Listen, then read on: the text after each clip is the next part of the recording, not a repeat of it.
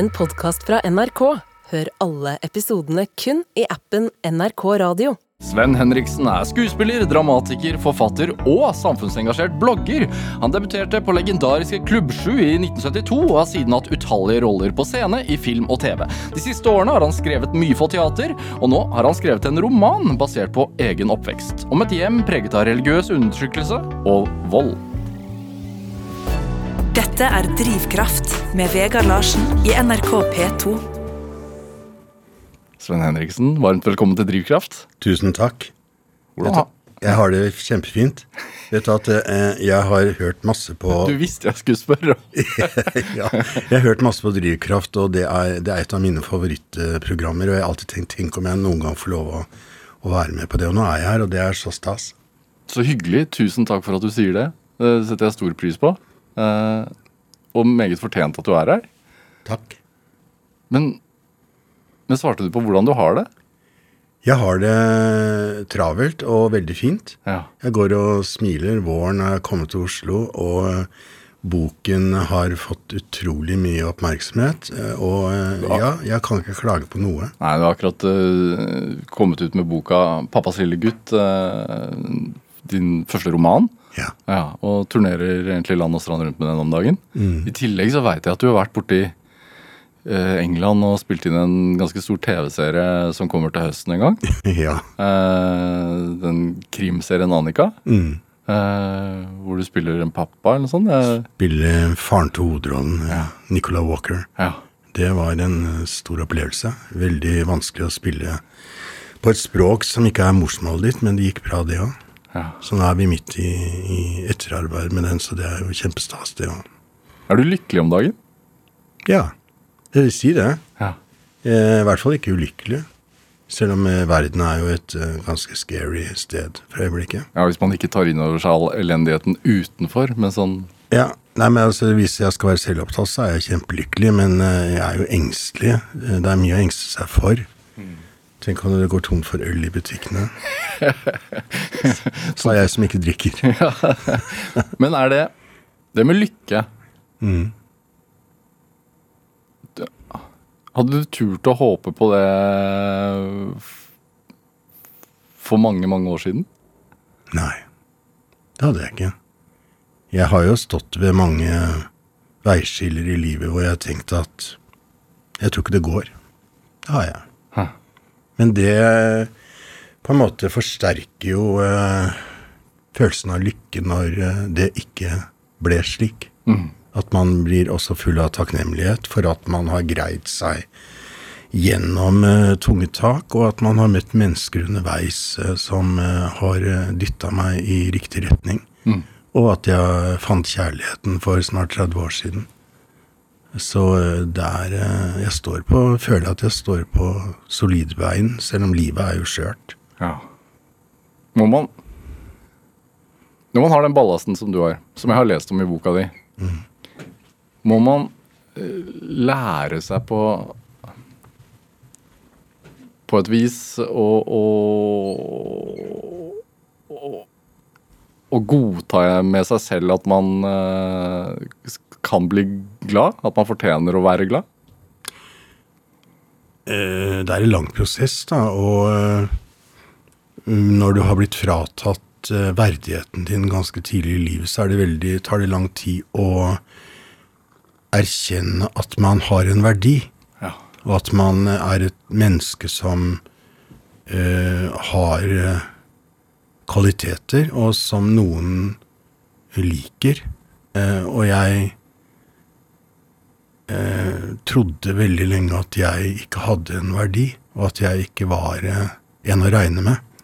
Men eh, etter hvert som tiden går, og du bearbeider eh, traumer og sånn, så, så får du en slags forståelse av at du har vært din, din egen verste fiende.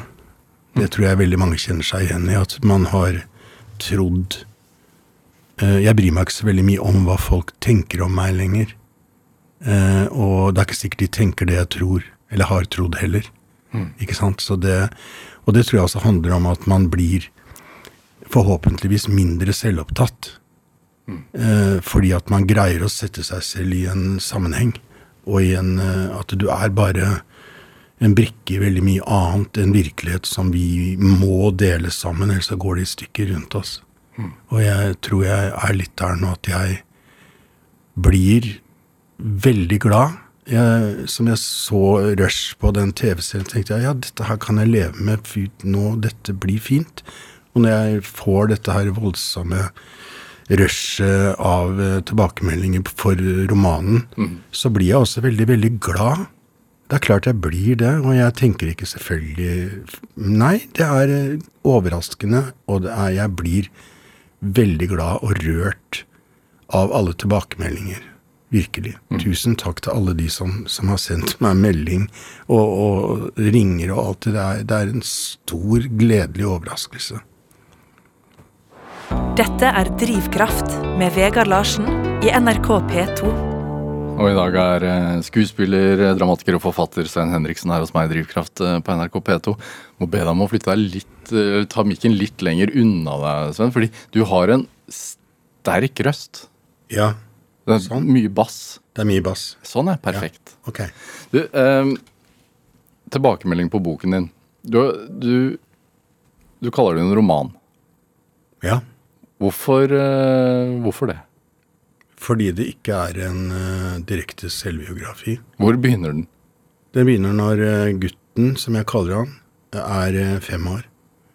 Og den slutter vel i Glasgow i fjor. Så den er veldig tett opp til mitt liv, men det er jo Problemet er når du skal skrive om din egen barndom, så må du på en måte dikte fram deg selv som barn. Og jeg har jo et mye større refleksjons... eh, en større refleksjonsevne enn et lite barn har. Så jeg kan jo ikke vite om jeg forteller helt sant om den gutten, hva han følte. Det kan ikke jeg huske, men jeg husker hendelsene.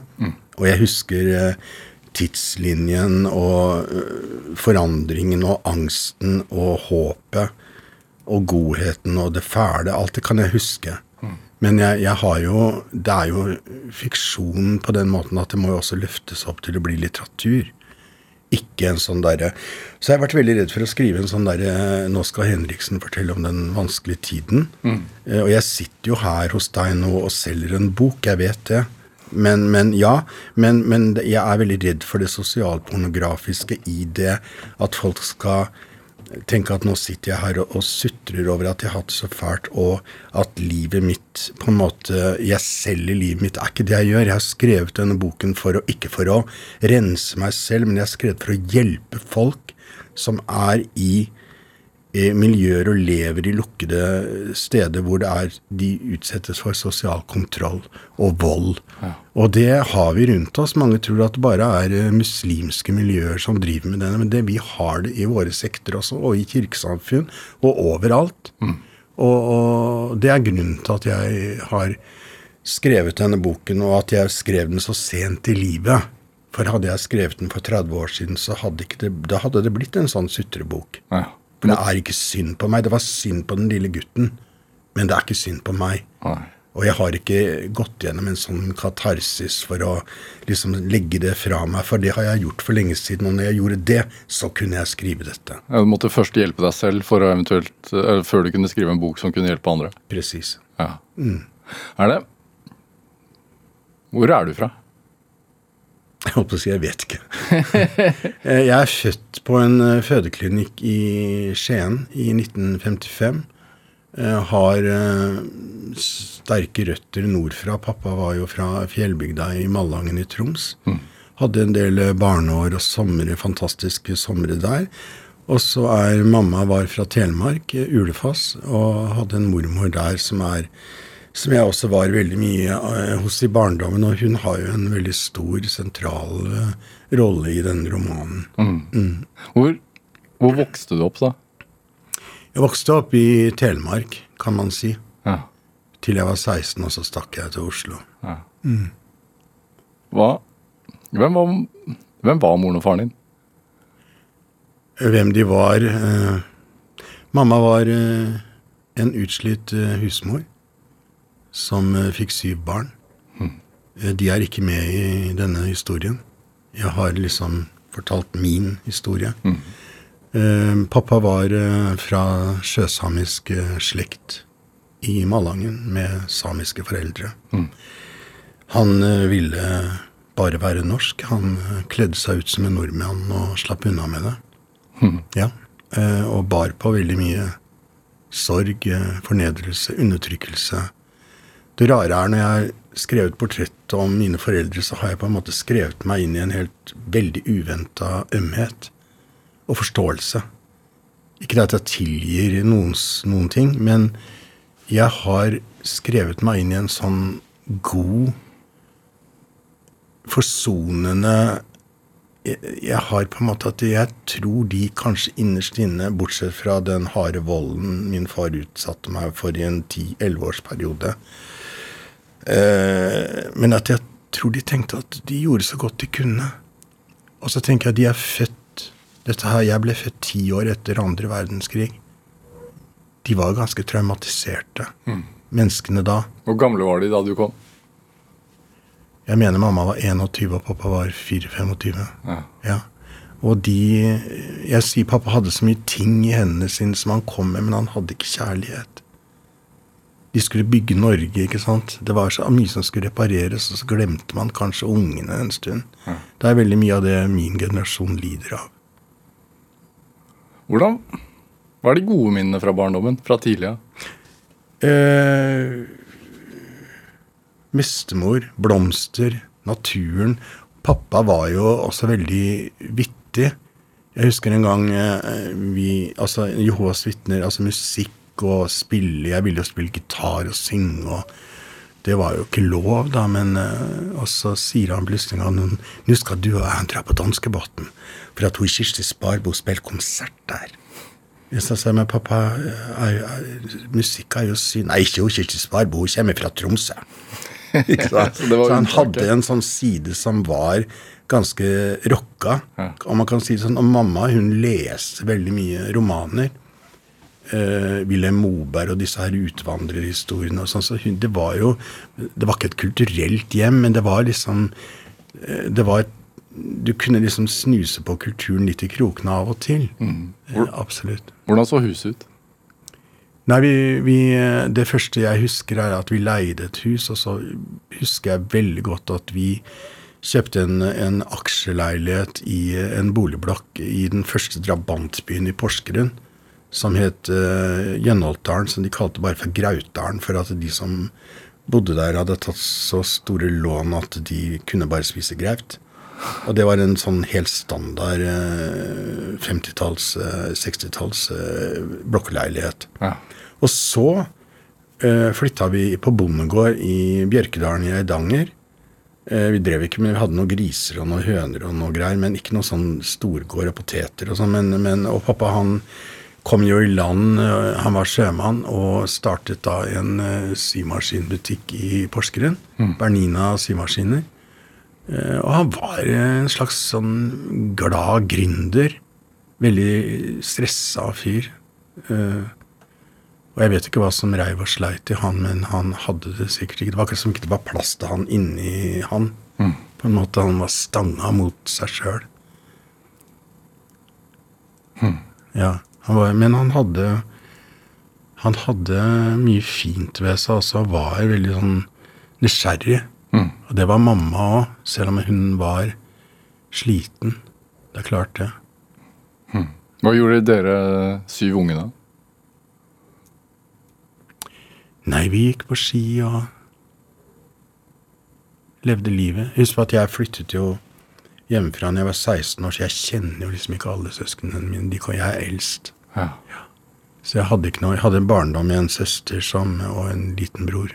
Men ellers så, så er jo Husk på at jeg Jeg var 16 år og reiste. Og traff eh, Jeg har jo kontakt med noen av søsknene mine nå, men eh, Du, du skriver jo i boka di om um, om volden mm. hjemmet. N- Når starta den? den startet når jeg var seks år. Og da Det er jo ingen man forguder mer enn foreldrene sine da. Nei. Det var helt uforståelig. Jeg husker første gang det skjedde, så kjente jeg på redsel og dødsangst. Det kan jeg huske så tydelig. Jeg tenkte at nå, nå dør jeg. Jeg gjorde ikke det. Men så venner du deg til den volden. Du vet mekanismene i den, du vet Hva var mekanismene? Nei, det var det. Først var det slag, dang, dang, eh, hardt, hardt. Og så begynte han å puste tungt, og så begynte han å gråte, og da visste jeg at nå er det snart over. Og så holdt han rundt meg og sa 'du er pappas lille gutt', er du ikke det? Det er derfor romanen heter det. Ja. Og det pågikk helt til jeg kom meg unna som 16-åring. Var det noen utløsende faktorer? Ja, eh, jeg tror at jeg kom til et punkt hvor jeg tenkte at nå er det nok. Og så tok jeg igjen. Jeg gikk på han med all kraft. Og så ble det et durabelig slåss, slåsskamp mellom oss. Og det verste var er at jeg så en slags sånn beundring i øynene hans. Jeg vet ikke om det var det han hadde håpet på. Men uh, jeg tenkte nå, nå er det nok. Nå, nå, nå, dette går ikke. Uh, for at han Nei. Som barn, hvis man er så uheldig å, og blir bli ramma av en, en sånn familiesituasjon, så vil jeg innbille meg at man prøver å være strategisk. Prøv, for å prøve å unngå de situasjonene. Du vet at et barn tror jo ofte at det er eh, ens egen skyld. Eh, og mor sa jo også du må ikke terge pappa, faren din. Så la det over på deg. Ja, og uh, strategisk men volden var jo uforståelig. Jeg vet, jeg vet ikke hva, hvorfor den bare kom. Og var jo en del man gikk, Jeg gikk jo på en måte på tynn is i 10-11 år. I barndom og ungdomstid. Så eh, ja. Mm, Så klart du blir strategisk. Du prøver jo å gjøre deg usynlig. Ikke sant? Og så kan jo det bli et irritasjonsmoment. At du ikke sier noe. Du tør ikke å si noe i redsel for å si noe feil. Så eh, det er klart at jeg ble nok påført en del eh, atferdsskader som gjorde at jeg hadde en Altså når du er i en eh, sekt som f.eks. Jehovas vitner, så er du jo inne i et nesten en sånn ei osteklokke hvor det er liksom noe Amish eh, people over det. Mm. Du er ikke oppvokst i det, det var noe som kom etter hvert. Eh, Det kom da jeg var seks år. Ja. Ja. Og eh, også når du da kommer ut av dette, så, så vet du jo ingenting om verden utafor. Du kan ikke samhandle med mennesker, med virkelige mennesker. Så jeg sleit jo i mange herrens år for å liksom komme ut på den andre siden. Ikke sant? Så du må på en måte finne deg sjøl opp på nytt. Og bli et menneske. Og det Jeg tror ikke jeg var ute av det før jeg nesten var 50 år. Det, det tar tid. Er det Er man redd hele tiden? Nei, ikke hele tiden. Snob, altså Som barn, hvis man er, blir utsatt for noe sånt som det? Nei, Jeg var redd pappa hele tiden. Ja. Ja, ja. Men han var jo ikke alltid hjemme. Og da var jeg ikke redd.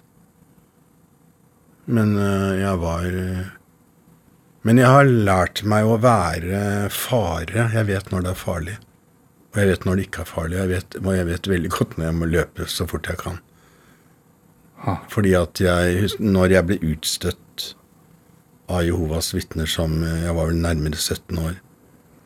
øh, I forkant av det så øh, Var det pga. legning, eller var ja, grunn av at jeg fortalte at jeg var homofil, og da må måtte jeg stille foran et sånt råd av eldste i menighetene som spurte meg ut. Og eh, ja, da, da sa jo min far at eh, det der kunne jeg få hjelp til å bli kurert for, eller bli frisk, som han sa. Så vi kunne reise til eh, Brooklyn, New York, til hovedkontoret til Jovas vitner.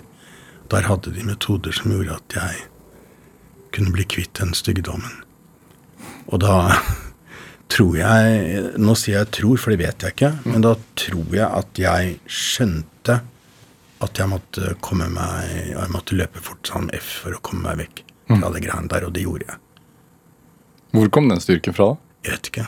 Men jeg er sånn som eh, Hele tiden så Jeg har aldri skrevet en roman før, så det får jeg sikkert til. Sånn pippegreier. pippe- pippegreier. Ja, men jeg er, jeg, jeg er veldig utålmodig. Jeg har tror jeg arvet det fine jeg arvet av min far, er den derre eh, uroen hele tiden videre. Hvis du, de som leser boken, sier ofte at den gutten har en drive. Ikke sant? Han sitter ikke ned og eh, han, han vil videre. Han sier, han reflekterer nå er, nå er det snart over. Nå blir det sånn, nå kommer mormor, det blir bra. Nå blir det sommer, da blir det finere. Nå kommer høsten, og så kommer sånn, og så det. Og, og sånn er jeg også. Jeg, eh, jeg vil hele tiden videre og gjøre nye prosjekter. Det er da jeg Altså, jeg syns veien for meg er livet, på en måte. Jeg er mest samlykkelig når flyet tar av. Ja. Ikke når det lander. Ja. Ja. Er det? Hva visste de rundt Om. situasjonen hjemme hos dere? Mange visste det, men uh, den gangen så var jo på veldig mange måter eh, kjernefamilien et hellig rom som ingen turte å Men jeg ble jo spurt, det er jo en scene i boken hvor eh, en helsesøster virkelig spør er det noe galt hjemme. Er det noe galt her? Men jeg turte ikke å si det. Hvorfor det, tror du? Nei, jeg var redd for ikke å bli trodd, og jeg ble jo ikke trodd når jeg ble sto foran eldsterådet i menigheten. Hvordan kan du si noe sånt om den flotte faren din? Ja. At du lyver? Så, eh, så eh, ja. Hvor ofte var det reell dødsangst? Nei, altså jeg kan ikke si helt sikkert hvor ofte det var, men det kom jo en forferdelig dødsangst rett før jeg fylte 30. eh, Hvor eh, angsten virkelig tok meg og gjorde meg helt handlingslamma. Lenge. Hva skjedde da? Nei, da fikk jeg panikkangst. Og eh, sleit med det i nesten et helt tiår. Var fullstendig ute. Eh, men det kan man jo døyve med alkohol. Det er et gammelt, kjent triks. Ja, for å komme seg gjennom dagene og livet. Og det går bra lenge. Du beskriver jo en del ganske grusomme scener i den boka. Hvordan er det, har det vært å sk- skrive om det på nytt? Og gjenoppleve det på nytt?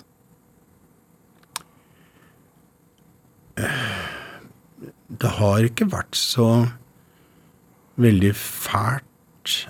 Eh, vi som jobber som skuespillere, har jo en veldig klinisk måte å nærme oss smerte på. Eh, vi spiller jo mordere og alt mulig grusomme greier. Eh, så det går an å separere og tenke at nå gjør jeg en jobb, nå skal jeg skrive denne historien. Men det er klart at gulvet har nå gynga et par ganger. Det, så ærlig skal jeg være. Hvorfor, er, hvorfor følte du at det var, er behov for å beskrive brutale scener? Eh, Nei, det er vel derfor at man ikke ofte gjør det, for så får jo mm, dette grusomme bare få lov å fortsette. Jeg tror på å si det høyt, eh, ikke sant? Eh, eh, Jeg, tro, jeg tror på en ærlig samtale. Vi er jo midt oppi en sånn Den offentlige samtalen har jo nesten krasjlanda fordi at folk ikke tåler å høre en sannhet. Ikke sant? Ofte på sosiale medier så havner jo jeg i store krangler fordi at ja, men jeg snakker til deg som et voksent menneske. Snakker til et annet voksent menneske. Ikke sant? Men da er man eh, Og jeg tror det er veldig viktig å åpne opp og si at sånn er det. Sånn var det. Dette er sannheten. Eh, og, og det er jo ikke for å vise meg opp at jeg forteller og se hvor fælt jeg har hatt det. Og heldigvis eh, så er det veldig få som har sagt Ja, men stakkars deg, har du opplevd dette? De sier så fin boken er. Og så er det veldig mange som sier du har skrevet om meg. Og det, er, det blir jeg mest glad for. At folk på en måte Det klinger eh, noe Altså, alle har jo sikkert i perioder i livet følt at noen har prøvd å begrense dem. Ikke sant? Og at noen prøver å Dette er ditt rom, du får ikke lov å bevege deg utenfor dette. Vi har det i vennskap også, ikke sant? Venner prøver å vi, vi gjør det helt ubevisst ofte, i større eller mindre grad. Du kan si folk, Jeg har sånn folk som sender melding sånn Ja, jeg ser du er i Oslo og drikker kaffe med Ok, jeg har ikke hørt noe fra deg. Men du har jo så mange du skal treffe. Det er en hersketeknikk og en forsøk på å kontrollere noen andre. Eller jeg ringer, så kan jeg si hei da. Å ja, nå ringer du. Ja, det var lenge siden. Ja, men jeg ringer nå. Skjønner du? Og så Det jeg skriver om i boken, er jo mye større, vondere ting. Men det er sånn at du skal sperres inne i dette.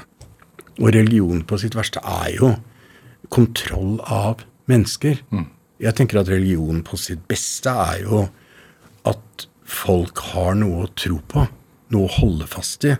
Det er mye bedre at de altså Et menneske som sitter og ber, er jo det mest fredelige som fins.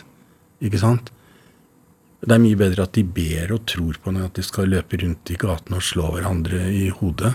Og slåss sammen med fotball. Så lenge menn sitter og ser fotball, så skjer det ingenting. Ikke sant? Hvor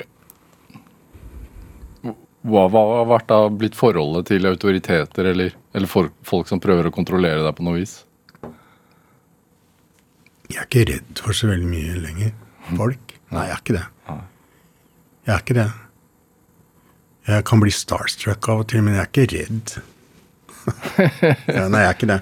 Nei, jeg har ikke jeg, jeg, liksom, jeg har vært så mye redd at det er jo det er bortkasta tid. Ja. Når man Du beskriver noe senere, altså, for det er, når det er snakk om vold i hjemmet, så det er ikke bare fiking. Det er jo, altså, det er jo Ja. druknings... Altså sånn bli holdt under vann. Det er jo mye grusomheter. Ja, det er det. Hvordan unngår man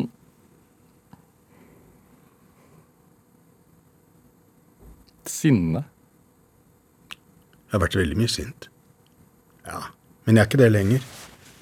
Det er ikke en sånn halleluja. Jeg er jo, altså jeg er jo sint. Det er jo det som er drivkraften. Eh, At et raseri mot eh, urettferdighet, mot folk som blir Altså når noen tråkker på andre. Ja. eh, Forskjeller. Urettferdighet. Altså jeg har jo Jeg drives jo av et raseri og av en godhet. Jeg tror på å samhandle, ikke sant? at vi trenger en forståelse for at vi gjør dette her sammen. Og Det er derfor jeg er så glad i f.eks. New York, for at de bor trygt sammen på den lille øya, eh, Manhattan. Og alle der, de vet at hvis vi begynner å lage spetakkel om at vi er ulike, så går alt i stykker. Og der er det sånn, Så lenge du oppfører deg og ikke plager meg, så er det greit. Du kan være akkurat, du kan gå med en lampeskjerm på hodet, være oransje i ansiktet, spiller ingen rolle. Men, men bare ikke 'don't fuck with me'. Og, det, og det, det burde vi Jeg merker liksom her, her så skal vi liksom passe inn i noe. Kan vi ikke bare få være? Mm. Det har jeg lært meg av eh, hva jeg har gått igjennom. At man Jeg kjenner på en så veldig stor frihet. Eh, om at eh, jeg kan være den jeg vil, og jeg bryr meg ikke om at folk på en måte Ja, ja, det er han der som er så mye på Facebook. Han legger ut bilder av seg selv, og han skriver, og han mener og tror. Ja, det er fint. Det er greit, det. Eh, Du trenger verken å lese det eller eh, se det. Får man Er det også en, et produkt av at man i så mange år prøvde å være usynlig? Kanskje. Kanskje, kanskje det. Kanskje det er eh, et, et ønske om å bli bekrefta.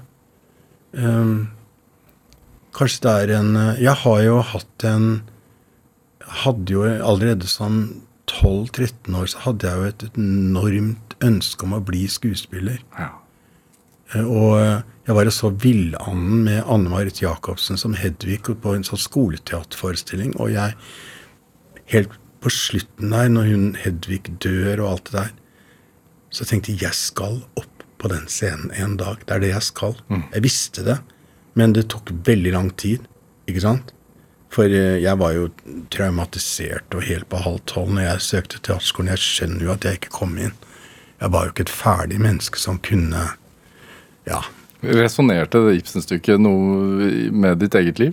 Handler jo om Gjorde nok det. Ja. Kanskje at jeg er ikke sikker at jeg var så reflekterende over akkurat det. Og så var det en annen hendelse. Jeg var på Amfi på Nationaltheatret. Det er veldig veldig lenge siden. Da så jeg Frank Robert spille professor eh, Rubek i 'Når vi døde våkner', Ibsen også. Og da tenkte jeg når han sa det der med 'Du hadde ingen sånn nøkkel, du, Maja'. Tenkte jeg skal opp dit, jeg skal spille den rollen. Tenk om jeg får det. Og nå har jeg akkurat gjort det. På Nordland Teater i regi av Hilda Helvik. Og Da tenkte jeg yes. Tenk det. Ja, men det er mye å være glad for. Ja, Sven Henriksen, eh, noe annet å være glad for er Tom Waits. Ja. Ja, du har jo eh, lagd plate med, med hans musikk på, med din stemme, holdt jeg på å si. Eh, med, med eh, suksess. ja. Eh, og du har med en Tom Waits-låt til oss også. Eh, 'Christmas Card from a Hooker in Minneapolis'. Hvorfor, hvorfor dette her? Eh, det var jo en av disse morgenene, eller nettene, hvor jeg sitter et hus i et hus på Sørlandet. Jeg bodde der en periode på en øy og drakk eh, whisky. Og så er det radioen surrer litt sånn halvlavt på, og så hører jeg det kommer en sånn eh, flygelintro. To flygler som er miksa sammen. Nydelig sånn rullende, slepende blues. Og så hører jeg 'Hey, Charlie, I'm pregnant. Living on a 9th Street'. Og tenkte jeg, hva er dette her for noe? Hva er dette her? Skrudde opp. Det var første gangen jeg hørte Tom Waits, og det gikk jo rett inn i sentralnerva. ikke sant? Og etter det så har jeg Ja, han er en av mine store, store, store musikalske helter. Skal vi høre? Ja.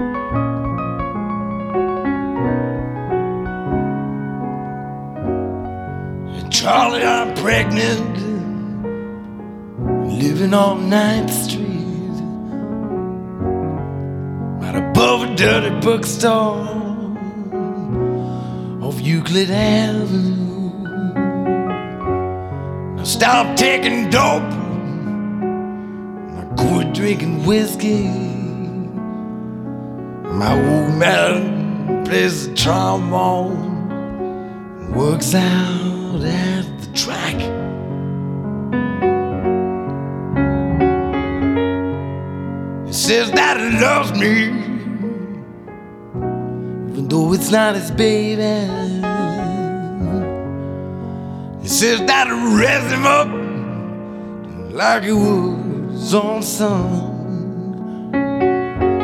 He gave me a ring that was won by his mother. He takes me out dancing every Saturday night.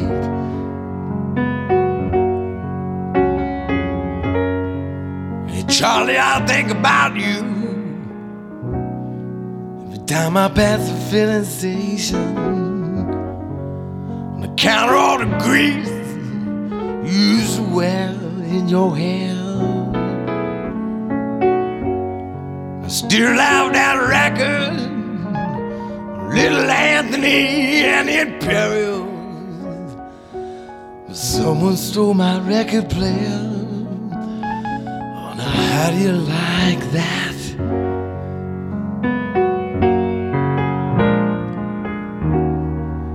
Charlie, I almost went crazy after Mario got busted. I went back to Omaha to live with my folks. Everyone Ja, Du fikk en smakebit av eh, Tom Waits' eh, 'Christmas Card from a Hooker in Minneapolis' her i Drivkraft på NRK P2. Valgt av dagens gjest eh, her i Drivkraft, nemlig skuespiller og forfatter Sven Henriksen. Det er jo Du fikk jo høre at du ikke kunne synge òg, du. Ja, jeg gjorde det. Ja. Det, ja, det begynte på Det var på På barneskolen. Så sa klasseforstanderen du ikke syng, du har så høy, stygg stemme. Eh, ja, jeg fikk det var i barneteatret, og det var sånn Ikke syng, du synger så høyt. Uh, spilte Jeg var barneteater i, i Skien. Spilte en, lille nisse, en av de små nissene i, i 'Reisen til julestjernen'. Så det var greit at du var med der. Ja, det var, eh, det var pålagt nesten, tror jeg. Så, men det var ikke noe særlig greit, egentlig. Nei. Er det Hvem er Karen? Karen er eh, Karen Bensen, det er min, eh, min eh, virkelige mormor. Mm. Karen kom fra Kilebygda, landsmarka inne i Telemarksheiene mellom på en måte Ulefoss og Drangedal, inne i skogene, fra en budeieslekt, kan man si, og hun endte opp som på Ulefoss og ble gartnerkone hos godseier Cappelen. Så jeg vokste litt opp mer hos henne i perioder, da. Eh, og, og eh, levde nesten en sånn derre Strindbergs eh, Frøken Julie-miljø. Hun voktet porten, var i drivhusene. Uh, og så det Hun var en eh, en klippe, kan man si. Hvor vesentlig er hun for at du sitter her i dag, tror du? Det kan man jo ikke spekulere i, men jeg tror, tror nok at jeg har med meg veldig mye av Karen. Hun sa at det er to ting du skal huske på, gutten min. Folk er folk, og det kommer ingenting inn i en lukket hånd. Og det mm, det har jeg tatt med meg som en eh, Og så var hun uh, Hva tenk- smart. Hva, hva, ja, hva, tenker du, hva tenker du at du altså, Når du sier det har du tatt med deg, hva, legger du i det? I de ordene? At man skal være sjenerøs. At man skal gi, man skal støtte. Og at man skal behandle absolutt, absolutt alle mennesker med respekt.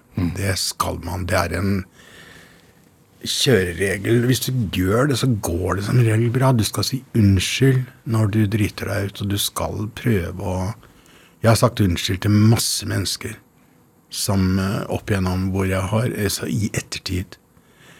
Men jeg bare til litt tilbake til Karen. Hun, hun var også ganske vittig. Eh, Jeg var Jeg mener jeg var 14 år, kvisete nervevrak av en ungdom, og hormonene liksom ruste rundt i kroppen, og jeg hadde oppdaget at jeg var homofil.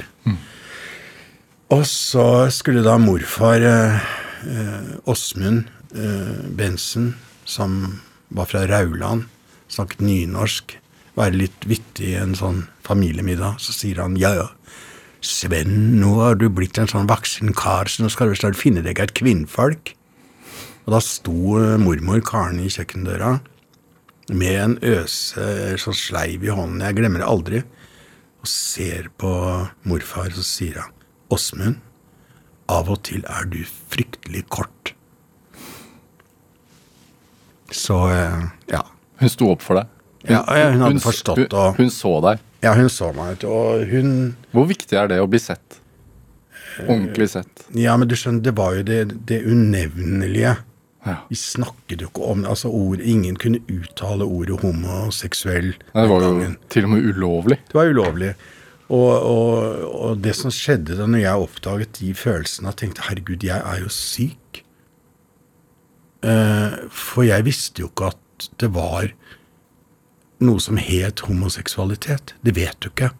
Og så lagde NRK en sånn dokumentar om to menn som sto fram som homofile, og så viste det seg at det var jo de som drev en blomsterbutikk i Skien, og da tenkte jeg at da er vi i hvert fall tre så, som, som føler dette her crazy, s- sjuke greiene.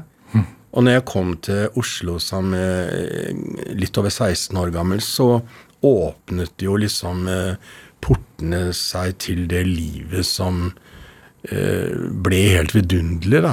Hvordan var det? Altså, fordi dette er jo da uh, i gamle dager, holdt jeg på å si. Det er jo før, før, før uh, Bronsealderen. Ja, det er Ja. altså du, du, du ante jo ikke hva som ventet deg. Du hadde jo Hadde du en gang vært i Oslo? Ja, det hadde jeg. Hadde det. Jeg var med pappa noen ganger i Oslo. Han Ja. Uh, nei, jeg visste jo ikke hva som ventet meg. Uh, men det er jo gudsord fra landet som kom fra overalt og, og samlet seg på de klubbene. Eh, jeg var jo livredd første gangen jeg kom på, på Metropol. Og da skjedde det noe veldig vakkert. Det var eh, Står eh, Jeg vet ikke helt. Jeg tror jeg var kanskje 18. Jeg var, jeg var veldig redd i det miljøet. Jeg følte meg som en sånn misfit, på en måte. Og da sitter det en dame ved et bord, et sånt rundt bord i baren på Metropol. Og jeg husker ikke helt tidslinja, hvilket år dette var, men i hvert fall hun satt der og hadde hvit sånn bluse og så sorte bukser og et sånn lite slipsaktig ting i halsen. Og så, så snur hun seg til meg og sier han, 'Kom og sett deg her, lille venn. Du trenger ikke å være redd for nå er du hos familien din.' Og det var, det var Kim Friele. Ha. Så det Det husker jeg. Det var eh, Men Du blir rørt av å tenke på det også? Jeg ble det. Uh, nei, for Kim Friele var jo en Det hun gjorde, er jo uvurderlig. uvurderlig. Det hun Alle de dørene hun sparket opp for eh, alle de som skulle komme etter. Det er jo Det fins ikke ord store nok.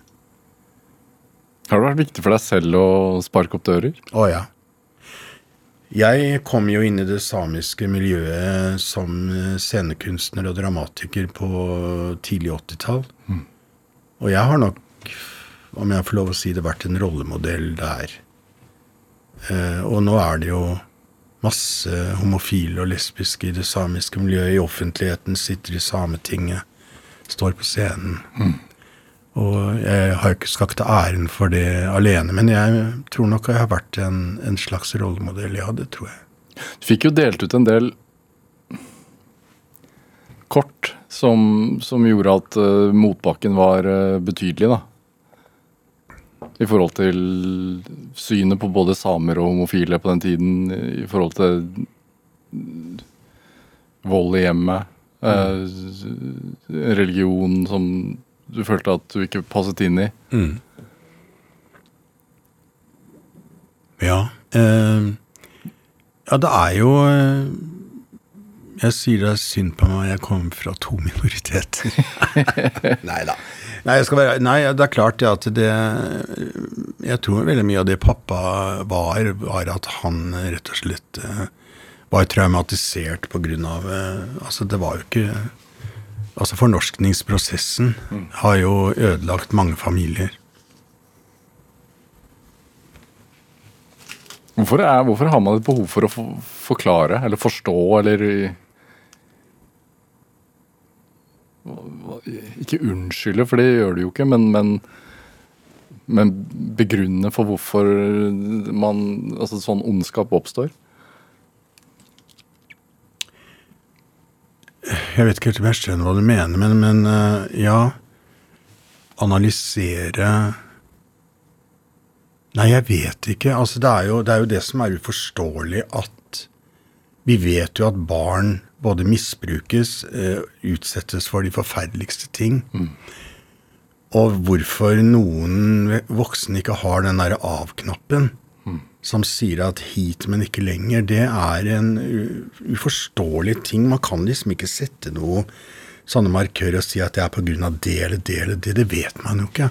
For vi mennesker er jo så mangefasetterte, og det er så mye i oss som kan eh, surre gjennom hode og kropp. Mm. Hvorfor blir noen homofile? Hvorfor blir noen det ikke? Hvorfor blir noen voldsutøvere? Hvorfor blir noen Hvorfor gikk ikke jeg til grunne Ja. når noen andre går til grunne? Av mindre? Hvorfor gikk du ikke til grunne? Jeg vet ikke. Jeg vet ikke, og det er det, men, men det er klart at jeg har jo vært på grensen til å gi opp. Ikke det at jeg har vært noe sånn Men, men jeg har vært fortvilt. Jeg har vært redd, jeg har vært alene, jeg har vært mye. Men jeg har alltid den derre Ja, men Den derre evnen til å Det blir Vi skal igjennom dette, og jeg er ikke skuddredd, liksom. Jeg, jeg er ikke det. Men jeg har Jeg bruker heller kreftene på å ikke tenke så mye på meg selv. Jeg ser Jeg ser veldig ofte i noens øyne tilfeldig på gaten jeg synes du trenger noen. Jeg ser det, og jeg ser det i nære miljøer, og jeg, altså, da prøver jeg å, å, å liksom Men jeg skal ikke gå rundt og være en sånn besserwisser men jeg, jeg, jeg er veldig var for uh, andres uh, vibber og, og stemninger. Så gjør du deg selv en bjørnetjeneste, tenker jeg, da, når du velger eh, eh, drivkraft i forhold til yrket, med det å bli skuespiller og dramatiker og Det er jo et yrke som innebærer veldig mye avvisning og kamp. Ja, Hvis ikke du tåler det, så kan du ikke være i den businessen. Nei. Hva, har det, hva er det som har gjort at du har det blir, altså ja, Du hadde jo den øh, opplevelsen med, med Villand som, som tenåring, men, men hvorfor har det vært så viktig for deg, å holde på med dette her? Nei, jeg tenker, hva skal jeg ellers gjøre? Men, men, nei, men altså, er jeg Altså, å være eh, kulturarbeider, som jeg heller kaller det, eller skuespiller, om du vil, eller dramatiker, eller, eh, eller forfatter Altså, det meste er jo nei. Det er nei, nei, nei, nei, nei, og så kommer det et ja. Og du er like overrasket hver gang. Ikke sant? Ja. Det er meg de vil ha.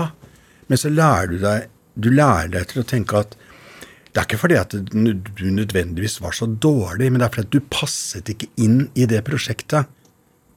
Ikke sant? Mm. Det er en kabal som altså et teaterensemble, en, et filmensemble en, altså det, er, det handler om ikke sant, å sette sammen noe som skal fungere. Eh, og spille teater er jo som å seile en seilbåt og i storm. Alle vet hva de skal gjøre, men de husker egentlig ikke hva skjedde etterpå.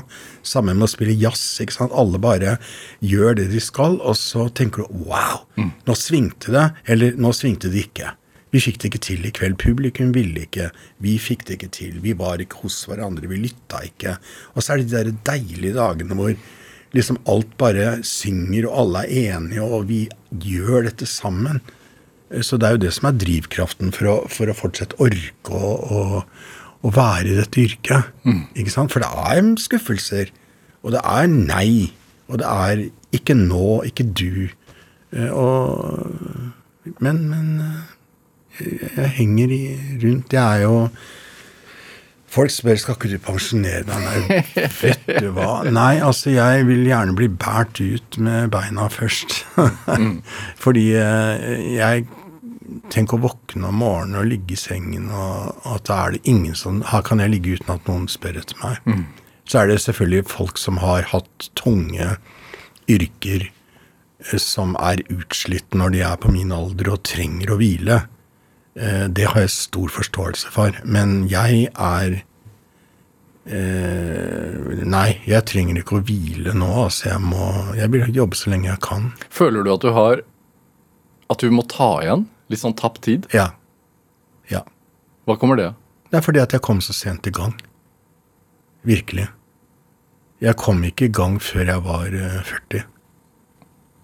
Så halve livet ble jo tatt fra meg. Det er faktisk Jeg har ikke tenkt over det samme når du sier det på den måten. Så eh, 40 år, det, de forsvant. Preget av Nei, av at jeg måtte, kanskje uten å forstå det selv, bli et menneske. Og så traff jeg kjærligheten når jeg var 40, og da snudde jo hele livet. Jeg har vært sammen med en mann nå i snart 30 år. Eh, Og vi har det veldig fint. Mm, Han er kostymedesigner. Hva gjør dere når dere har det som best, da? Ja, da sitter vi eh, i hagen, hver vår eh, sånn dekkstol og leser i hver vår bok og drikker kaffe. Ser på småfuglene og litt sånn. Ja. Nei, vi lever et veldig sånn Han blir spurt av og til hvordan orker du å leve sammen med det energiske mennesket som hele tiden bare raser rundt som sånn Han er ikke sånn hjemme. ja, men det er, ja, men jeg er ikke det. Da, det er noe med at han har gitt meg en sånn ro, og så er han totalt u... Han er ikke Det nytter ikke å imponere han med noe jåleri eller, eller komme med noe diva-faktor. Han bare sier ah, 'hold opp, orker ikke'. Ikke nå. Vekk. Og, og, og det er ikke ondt. Han bare sier nei. Vi, han, han lytter ikke på det øret. Og så sier han liksom at det kan jo godt hende at det ikke er sånn som du tror. Og så tenker jeg ja, det er det faktisk. Alle er ikke ute etter meg fordi at jeg ikke fikk den rollen, eller eh, forlaget ikke ville ha den teksten. Og han har helt rett. Så han, han, han roer meg ned. Er det Ah, Er det et hva slags kapittel som har blitt lukket inni deg øh, med denne boken? Det var da voldsomt et spørsmål. ja, nei, ja. Nei, ja, men du, du, du åpner opp for sånne nye tanker. Det er fantastisk. Eh, ja, kanskje det. For, for jeg føler liksom at eh, Det er litt som at nå har jeg vært på do. og bæsja en ordentlig bæsj, liksom, og det var godt. Ferdig med den. Ja, det er litt sånn. Jeg, jeg har liksom Nå er den boka der. Eh, og jeg kan Nå har jeg liksom lagt fra meg dette, og det eh, Altså, det vil jo alltid være med meg, men, men jeg er Så er jeg veldig stolt av den boka. Jeg syns jeg har fått til et eller annet. Det skal det være, Sven Henriksen. Det er det. Du reiste jo hjemmefra som 16-åring. Reiste du tilbake noen gang? Nei. Ikke sånn for å bli. Jeg gjør ikke det. Det er vondt å møte din far på gaten, og han ser rett tvers gjennom deg og går forbi. Det er vondt. Mm. Det er vondt når mor dør, og du ikke vet hvordan hun ser ut. Trengte du det? Den avstanden? Hadde du noe valg? Nei, det var jo valget, og var det jo de som sa enten er det du blir i sekten, eller så er det aldri mer. Det er jo sånn det er i, i Jehovas vitner. Det er klart at, eh, at eh, det har sin pris å bli eh, utstøtt. Klart det. Det Kanskje derfor også Kim Fryles ord på på Metro Hvilken scene var det? Metropol. På Metropol, Ja, nei, det er var ma- veid så tungt. Ja. Det, ja, men det er veldig mange som, som jeg tror har opplevd eh, lignende ting. Eh, på min alder, og som fremdeles kanskje opplever det Mm. i lukka miljøer. Men når jeg leser boka di, så skjønner jeg jo at noe av det du vil med den, er jo å si at det, er, det fins håp. Å ja. Det fins eh, Det fins eh, Det jeg har lært meg i Det fins godhet. Ikke sant? Det fins så mye godhet i verden. Og den, den kan du finne. Eh, men det, den kan være vanskelig å få tak i. eh, Men den fins. Det fins håp, det fins lys.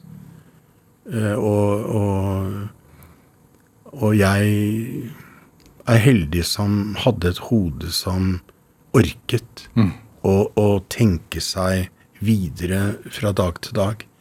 Men altså, jeg har jo i meg en redsel Altså sånn som når jeg var i England nå. Altså å være en norsk skuespiller som kom i gang veldig seint, som får en sånn sjanse. Så kommer du bort dit, og jeg må, nå er jeg helt ærlig, hver eneste dag For vi filmet langt oppe ved Loch Lomond oppe i høylandet, så det var sånn et par timer tilbake til der vi bodde etter en endt Mm -hmm. Da satt jeg i bilen, og så tenkte jeg Du er verdens usleste skuespiller. Dette er så dårlig. Jeg lurer på hva de tror. Hva er det de har dratt inn i huset, liksom? Og jeg satt og plagde meg selv. Jeg lå om natten og vrei meg. Og så kommer jeg på jobb neste dag, så er det sånn Vi har sett opptak. Du, du var helt strålende i går. Og jeg blir sånn Å, ja, men da prøver vi i dag òg.